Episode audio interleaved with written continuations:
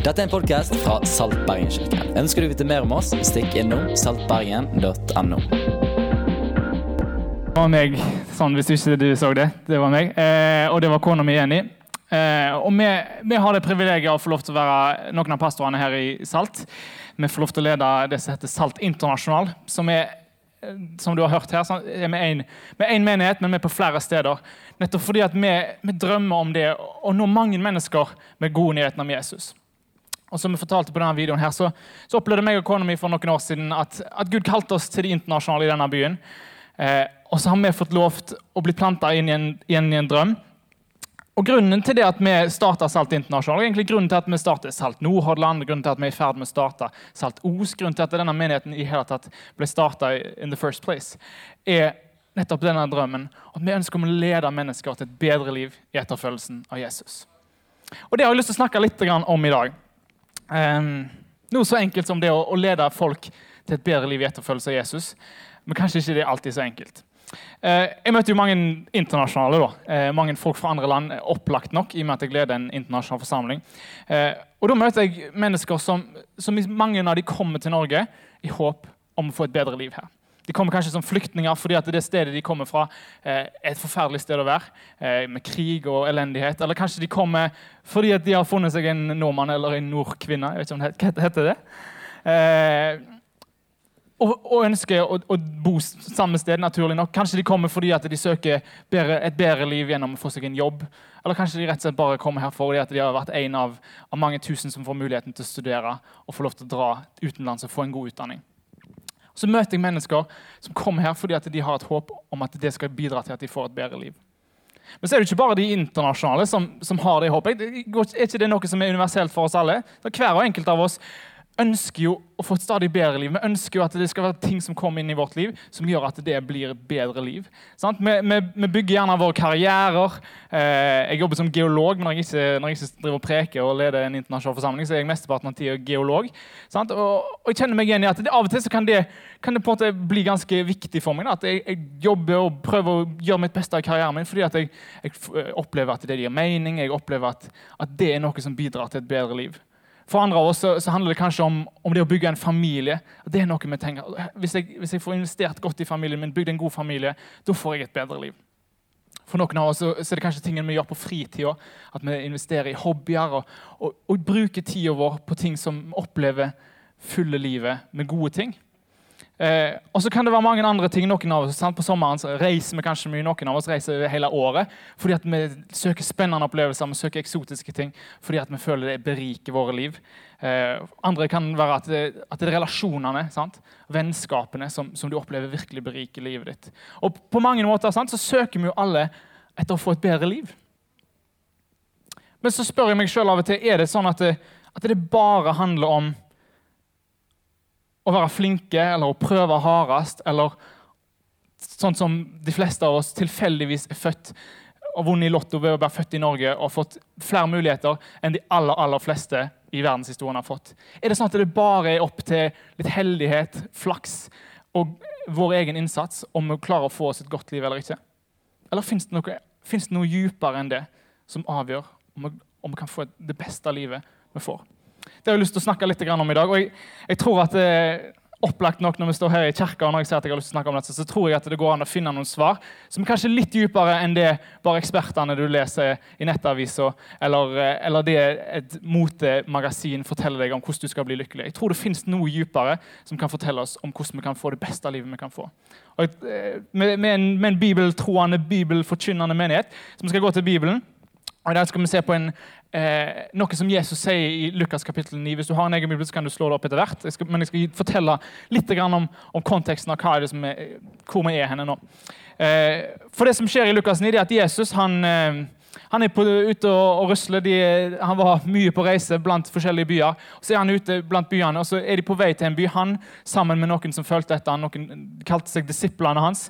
Eh, og Så er de der på veien, og så spør Jesus de dere, hvem sier egentlig folk at jeg er? Og så Disiplene svarer kanskje litt som, som vi ville svart om hva folk tenker her i dag. Hva folk i Norge tenker om Jesus. De svarer at ja, noen, noen, noen, tror du er en mann fra Gud. Andre sier at du er han konkrete profeten der som forsvant for en del år siden, men nå er han kommet tilbake, og det er deg. Eh, noen sier at det er en god mann, en, en lærer, men ikke noe fra Gud. Og så, og så ramser de opp forskjellige svar og hva datidas folk tenkte om Jesus. Og Så snur Jesus seg til dem og sier han, «Men hva med dere, da? Hvem sier dere at jeg er? Og så kan jeg tenke meg at det blir litt stille et lite øyeblikk før, før Peter, som er den freidigste blant dem, før han, før han kaster seg frampå, og så sier han Jesus, du er Guds levende sønn. Du er frelseren som kommer fra Gud. Og Jesus han, han, han, han innser at de har skjønt hvem han er. Men litt overraskende så forteller han dem ikke si det til noen ennå. Timingen er ikke helt rett. Timingen er ikke helt rett for at de skal få drive og fortelle om hvem Jesus er. Så han ber dem om å, om å tie stilt. Og så tar samtalen en ny, litt sånn uventa vending. For akkurat i det de, Peter nettopp har sagt at Jesus er Messias, og de, liksom, de begynner å bli kanskje litt oppglødd av at, at wow, her er det liksom, han, han innrømmer at han er det, og, og nå, nå skal det bli saker og ting her. Så plutselig så begynner Jesus å snakke om at han skal bli mishandla, at han skal bli banka opp, at han skal dø. Men at han skal stå opp igjen den tredje dagen. Og Disiplene de, de kan ikke ha forstått helt dette. her. Det, det rimte nok ikke helt med der, det deres tanke var for de neste årene og de, neste, de planene de hadde for framtida. Så Peter han, han blir provosert til det punktet hvor han, han rett og slett tar Jesus til side. Så, så, så begynner han å irettesette Jesus og sier han, Jesus, det, det er ikke sånn det skal skje. Det ikke, det er, du må ikke snakke sånn som det er her. Og Peter, nei, Jesus svarer kontant tilbake. Vik bak meg, Satan. For du har ikke øyne for det, det, det som Gud vil. Du har bare øyne for det som mennesket vil. Ouch. Den svir, liksom. Der står Jesus med deg. Du har akkurat innsett at han, han er fra Gud. liksom. Og så kaller han deg noe sånt. Det, det må ha vært litt av et slag for Peter. Og så fortsetter samtalen videre, og nå kommer vi inn i den teksten som vi skal ta for oss i dag. Som jeg tror sier oss noe om hvordan kan vi finne det beste livet vi kan leve. Hvis du har en bibel, så kan du, kan du slå opp der. Hvis ikke, så kan du følge med på skjermen. Her kommer det fra Lukas kapittel 9, vers 23 til 24. Og Jesus sier, om noen vil følge etter meg, må han fornekte seg selv og hver dag ta sitt kors opp og følge meg. For den som vil berge sitt liv, skal miste det. Men den som mister sitt liv for min skyld, han skal berge det. Det er ikke akkurat smooth talk, det her. Det er ikke, det er ikke lette ord. Altså, jeg bare kjenner når jeg leser dette, at liksom, bildet av en sånn eh, mild og varm og veldig sånn omgjengelig Jesus som vil gjøre alle til laks, liksom, med, med lange, blonde, blondt hår og blå øyne for å snakke sørlandsdialekt. Det bildet knuser litt, liksom. Det er ikke helt den Jesus han møter. liksom. Hvis noen vil følge meg, må han fornekte seg sjøl, ta opp sitt kors. Det er ganske harde ord. Oss, eh, tro, jeg tror denne teksten kan fortelle oss noe viktig om hva det vil si å være menneske i dag. Så oss, eh, Vi skal ta, gå litt nærmere inn på det, men la oss bare først be. Herre, vi takker deg for ditt ord, og vi takker deg, Jesus, for at, det, for at du viste oss hva det vil si å være menneske. Og du viste oss hvem Gud var. Vi bare ber nå at vi, de neste minuttene når vi skal se på denne teksten, her, så, så skal du åpenbare for oss. Skal, du, skal det ikke bare bli ord som vi leser på et papir, Herre, eller som vi hører bli sagt, men så skal det bli ord som taler til hjertene våre, Herre, om hva du vil med våre liv, Herre. Bare overgi oss sjøl til deg. Bare ber om at du, du taler gjennom oss, Herre. Du taler til oss nå, Hellige Ånd. I Jesu navn. Det første som Jesus sier, det er dette at om noen vil følge etter meg, så må han fornekte seg sjøl og ta opp sitt kors og følge meg. Jeg vet, ikke, jeg vet ikke du, hvor bevandra du er i sånn bibelsk begreper og terminologi, men, men når jeg leser dette begrepet 'å ta opp sitt kors', så tenker jeg det er et litt rart uttrykk. Er det ikke det? Det er ikke liksom, altså Vi har det kanskje egentlig, vi har jo det litt til en viss grad i norsk, fordi det kommer fra den teksten her, men, men det er jo et litt merkelig uttrykk. Hva betyr egentlig det? Å ta opp sitt kors. Noen, noen, jeg har hørt noen mennesker bruke det begrepet. sant? De sier gjerne sånn der, åh, bilen min, bilen min ble ødelagt i dag. liksom. Så jeg forklarer meg uten bil neste to ukene til han, er, til han er reparert. Men det er vel kanskje bare mitt kors å bære. på en måte, sant? Så snakker vi om sånne ting som, som er litt sånn kjipt og litt sånn ikke så veldig praktisk. Og så sier man at ok, det, men, og så snakker vi om det å, å bære sitt kors som, som noe å bare finne seg i litt kjipe ting. Og det kan være en god ting da, å, å gå gjennom livet og, og tåle litt eh, motgang uten å bli for sutrete. Eh, men er det, det det betyr? Er det det Jesus prøver å si? Eller noen, kanskje spesielt andre steder i verden, har, har fått det for seg at at det å følge Jesus handler om å begynne å mishandle seg sjøl selv, og sjølpining. Så henger de seg opp på et kors som et kristent ritual. Og så, og så, kaller de Jeg vet ikke om det er fra dette verset de har det fra, men, men, men så på en måte er det det Jesus snakker om? At vi skal begynne å pine oss sjøl og begynne å ta, snekre sammen kors og gå rundt og bære på dem? Jeg tror ikke det er det heller. For Hvis vi ser på det verset her i kontekst, som vi nettopp, nettopp har sett Det som skjedde rett før Jesus sier denne tingen, er at Jesus har drevet og forklart at han skal dø. At han skal lide, men at han skal stå opp igjen. Og så sier han hvis noen vil følge etter meg, hva må de gjøre da? Jo, da må de kanskje forvente den samme behandlingen som Jesus. Da må de kanskje forvente å kunne måtte gå den samme veien som Jesus gjorde. For det som Jesus kom for å gjøre. Det var jo ikke sånn at Jesus hadde det ganske kjipt i himmelen, og så kom han på jorda for å få det fint. Jesus hadde det jo supert i himmelen. Han hadde jo alt han trengte. Han, hadde, han var, med, var, med, far, han var med, hadde Den hellige ånd. De hadde, de hadde det skikkelig fett der oppe. liksom. Men så velger Jesus å gi avkall på det, og så velger han å bli et menneske. Og så velger han, og vet han hele veien at det ultimate han skal gjøre her, det er ikke først og fremst at han skal ha det fint på jorda i 33 år, men han skal dø for mennesker. Han skal dø for alle sin synd. Og så skal, skal han kjøpe menneskene fri, sånn at alle mennesker kan få lov til å få muligheten til å ta imot et nytt liv. Og Så vet Jesus dette, og så sier han at hvis noen vil følge etter han, så må de jo forvente, sånn som Jesus ga opp sitt liv, så må de jo forvente å skulle gi sitt liv. Kanskje ikke det betyr nødvendigvis at du kommer til å, å fysisk dø med en gang du tar imot Jesus. For de fleste av oss betyr det ikke det. For noen betyr det det. Men for veldig mange av oss, jeg tror det Jesus kaller oss til, det er å gi slipp på vårt eget liv. Å gi avkall på vårt eget liv. Hvis du så en mann gå med et kors, gikk og bære på et kors i Midtøsten på den tida her, så var det ganske tydelig at det var ikke noe han gjorde for gøy. Når du så en mann gå med et kors, så var det en mann som var dødsdømt. Det var en dead man walking. Og På samme måte så sier Jesus til oss at hvis noen vil følge etter meg, så må han fornekte seg sjøl. Og så må han se på seg sjøl som død. Han må regne seg for død for seg sjøl. Men det er for å vinne noe større. Paulus, eh, som ble en, en, av, en av de som etter hvert begynte å følge etter Jesus, han skriver et brev til kirka i Roma, som, i, i, noe som har fått med i Bibelen vår. Eh, I Romerbrevet så skriver han kapittel 6, vers 3 og 4. Vet dere ikke at alle vi som ble døpt til Kristus, Jesus, ble døpt til hans død? Vi ble begravet med ham da vi ble døpt med denne dåpen til døden. Så skriver han videre i vers 11. Dere skal regne dere som døde for synden, men som levende for Gud, for Kristus Jesus.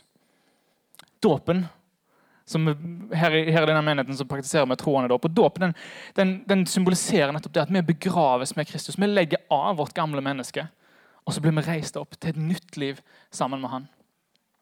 Vi har faktisk eh, hatt dåp her i, i kirka i dag, ikke her i dette bygget. Eh, men eh, det ble litt sånn, eh, litt sånn spontan dåp, så vi måtte bare finne et sted. Og da tenkte vi liksom Salt. Menigheten heter Salt hva, hva bedre enn å døpe i saltvann? Så vi fant rett og slett bare Jeg vet ikke om det kommer til å bli en tradisjon òg, men, men Amy har latt seg døpe i dag. Amy fra Filippinene. Og, og noe, av det hun forteller, er at her ser man at døpa det var bort med Gamlehaugen. Det var det, liksom det nærmeste vi fant. Eh, men det hun forteller, er at hun har fått oppleve å få et nytt liv. Hun har fått lov til å, å gå fra tidligere ha et, et, et, religiøst forhold til kristendommen, som i på en måte vet, vite hvem Gud var. Men det å virkelig kjenne han, det var nytt for henne. Og så har hun fått lov til å, å gjennom de siste månedene gå en prosess hvor hun har gradvis blitt mer og mer kjent med hvem Jesus er. Og har valgt å si, 'Jesus, jeg vil faktisk gi mitt liv til deg'. Og så fikk vi være vitne, noen av oss, til at hun valgte i dag å gjøre en, en offentlig bekjennelse av det. Ved at hun ble dykka ned i vannet og så symboliserer det at hun rett og slett blir begrava fra sitt gamle jeg. Og så blir hun reist opp til et nytt liv med Kristus. Det er helt fantastisk å, å se sånne ting. Og, og det er virkelig, virkelig noe å feire da, når et menneske dør fra seg sjøl, men blir reist opp til et nytt liv. For det nye livet med Kristus er så mye bedre enn det vi noen gang klarer å streve oss til eller være heldigvis, heldige å få. Gå tilbake til hovedteksten vår i Lukas 9, så står det videre. For den som vil berge sitt liv, skal miste det. Nå har jeg studert, eh, studert noen år på universitetet og, og studert geologi og liksom naturvitenskap og litt matte. og sånne ting. Og Det, det, måte, det er veldig, sånn, veldig sånn logisk av meg. da. Jeg prøver liksom å få ting logisk til å gå opp. Når jeg leser det der, her, så tenker jeg liksom, det der er ikke helt logisk. Hvis jeg hadde skrevet, jeg vet ikke Det hadde vært så veldig relevant å skrive det på en geologieksamen. Hvis jeg hadde skrevet noe sånt, da, da hadde jeg fått stryk. liksom. Det henger jo ikke helt på greip. Den som vil berge sitt liv, skal miste det. Det er et paradoks. Og Det fins noen sånne paradokser i Bibelen. Et annet er sånn Jesus sier 'gi, så skal dere få'. Det er jo bare helt motsatt av det vi tenker. sant? Vi tenker jo 'samla til deg, så har du nok'. Men så sier Jesus 'gi, så skal du få'. Og her sier han det. For den som vil berge sitt liv, skal miste det. Jesus han, eh, han var en, gang, en, annen gang så, så, var de rundt og vandra, og så, så, møter han en kar. Eh, og denne karen han eh, han hadde rett på en del av arven etter far eller mor. sier han tar det var faren, for det var det liksom, som var greia på den tida. Eh, men, men, broren hans nekta å dele arven med han. Kan du tenke deg? Hæ? Vi, hadde vi vært i en sånn situasjon, så ville vi følt at det var temmelig urettferdig. Om De fleste av oss ville vært enige at, at denne broren selvfølgelig må han dele arven med bror sin. Så står denne mannen her og så sier han Plutselig kommer Jesus og tenker, tenker han at liksom, Jesus er en mann av innflytelse. Liksom. Hvis jeg får han med på laget, så, ordner det seg sikkert. Så, så mannen spør Jesus, kan ikke du ta oss og, si til broren min at han, han må dele arven med meg. Og De fleste var nok sikkert enige i at ja, selvfølgelig, det bør jo Jesus være med på. Han, det, det, er bra ting å støtte. Men Jesus han avviser mannen. og Så sier han du bør vokte deg for all type grådighet. For det er ikke det mennesket har, som gir liv. Men det er, det er, noe helt annet. Og Så begynner Jesus å fortelle en, en, en, historie for å illustrere et poeng. Det er en fiktiv historie som han finner på, men for å illustrere et poeng. Han forteller om en, om en rik mann som, som, får stor avling. Han er en bonde, så han får en stor avling. Og, blir, går fra å være rik til å være søkkrik. Og, og begynner å planlegge liksom, at eh, han skal bygge ut låven sin for å få plass til alle disse tingene her. Og, og sette seg ned og, og skriver i dagboka si at vet du hva, nå, nå, nå, skal du virkelig kose deg. Nå har, nå har, du fått det godt. Nå har du funnet det gode liv. Så nå skal du bare spise og drikke. og Alderdommen er sikra. Men så sier Jesus i denne historien som han forteller, at, at så kommer plutselig, så taler Gud til denne mannen og sier Idiot. I natt skal du dø. Hva, hva så med alt du har samla? Og så sier Jesus at sånn skal det gå med alle de som, som samler seg rike på, på jordiske ting og ikke er rike i Gud. For det er nemlig sånn at Når vi har fokus på oss sjøl, så kan vi prøve å karre oss til det, og vi kan kanskje få det greit. Men Jesus han utfordrer oss til å miste sitt liv. Miste vårt liv. La oss lese videre. Den som mister sitt liv for min skyld, han skal berge det. Lukas 9, 24. En annen gang så møtte, møtte Jesus en, eh, Jesus og disiplene hans en, de møtte en annen kar.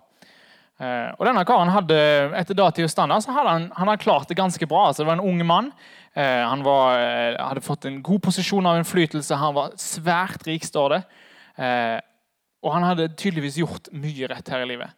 Så kom, men så likevel så det et eller annet i denne mannen her som gjør at han lengter etter noe mer. Etter, et, etter verdens standard så hadde han, han hadde alt liksom han trengte.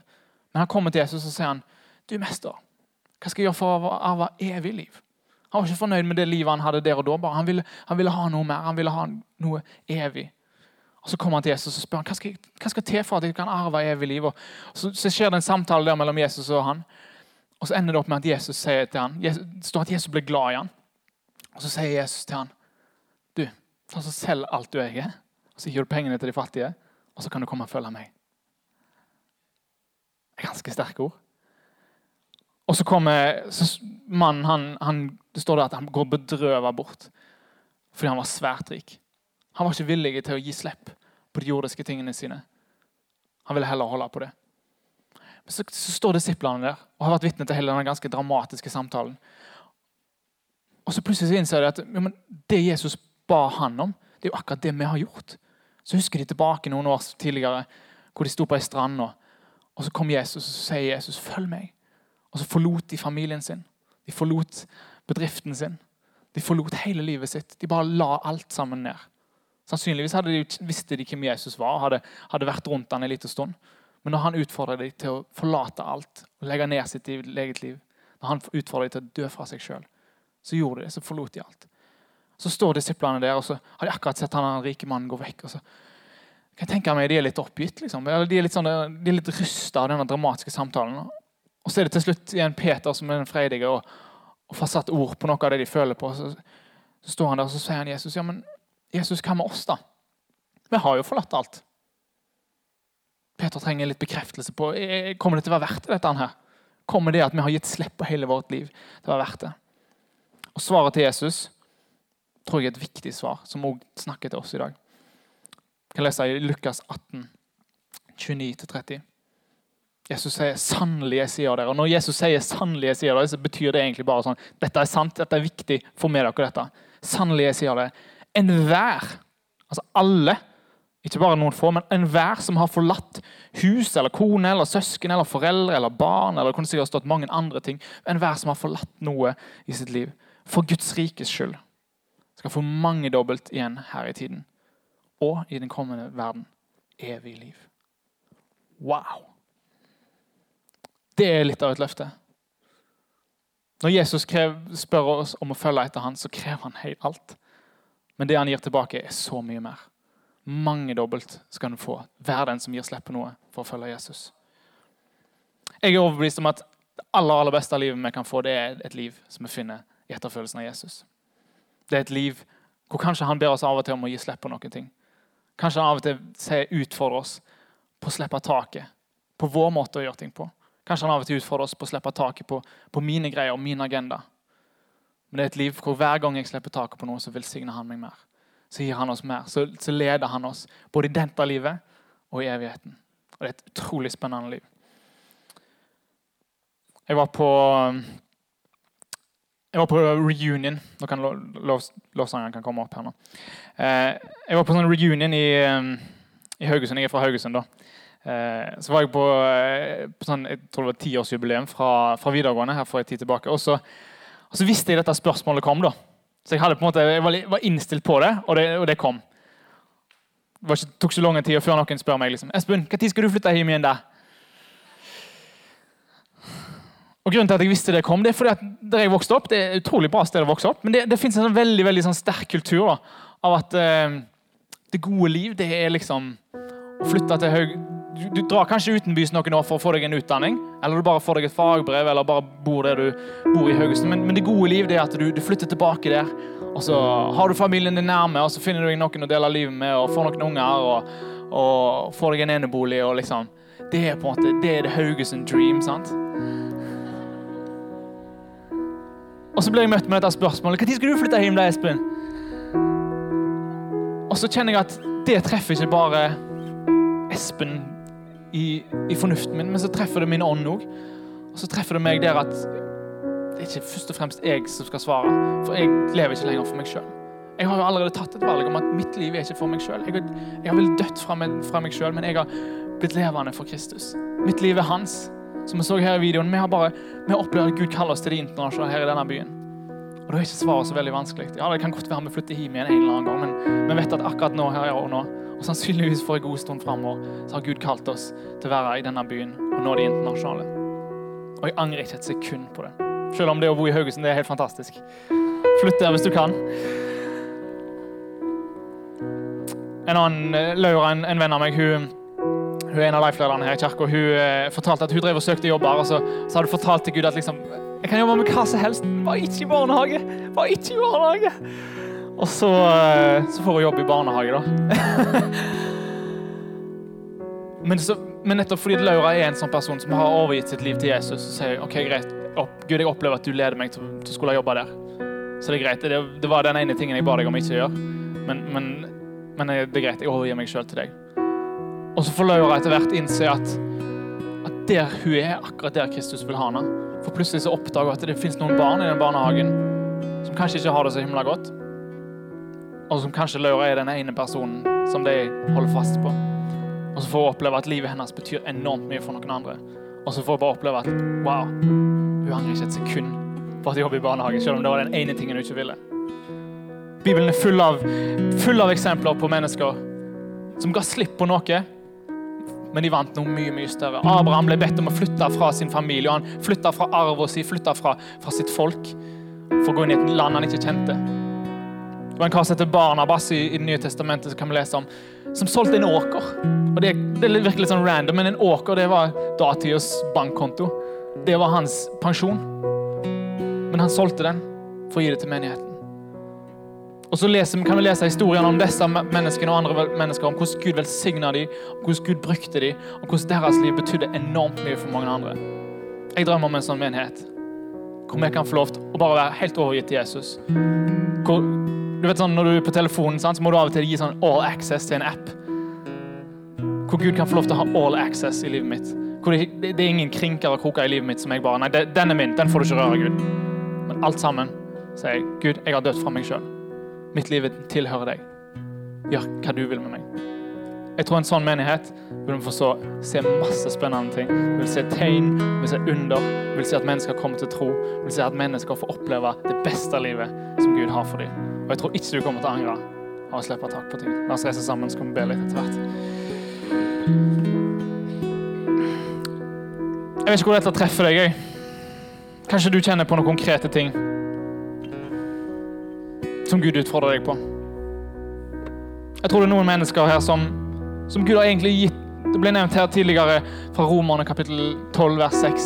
Martha nevnte at, at finnes, Gud har gitt ulike nådegaver. Jeg tror det finnes mennesker her som har fått nådegaver av å gi.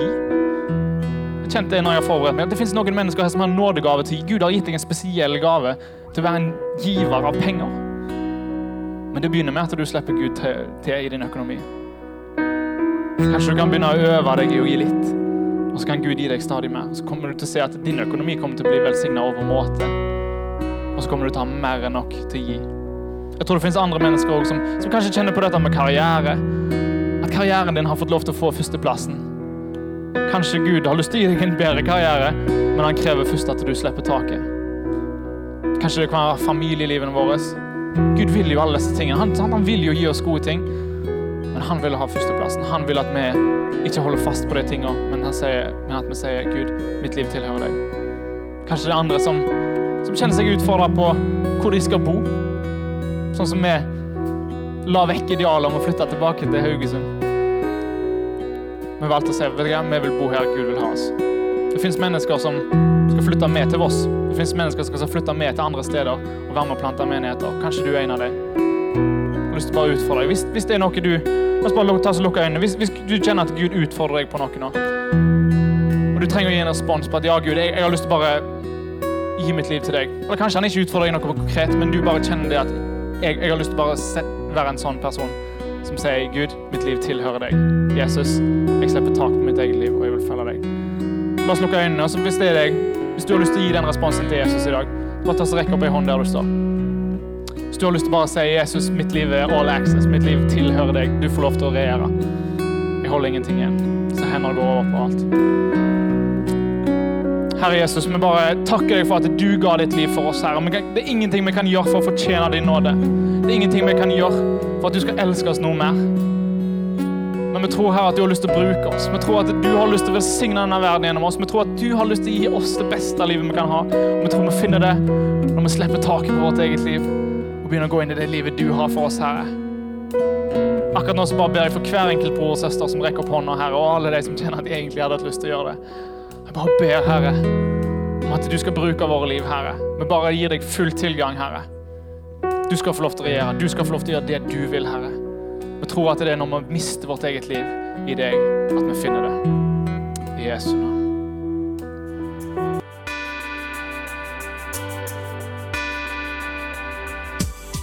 Takk for at du har lyttet til podkast fra Saltbergenkirken. Vår visjon er å lede mennesker til et nytt og bedre liv gjennom etterfølgelsen av Jesus. Følg gjerne med på hvordan vi realiserer dette, og hvordan du kan delta ved å besøke Få med deg Saltkonferansen 11.-13.9. Se saltbergen.no for mer info og påmelding.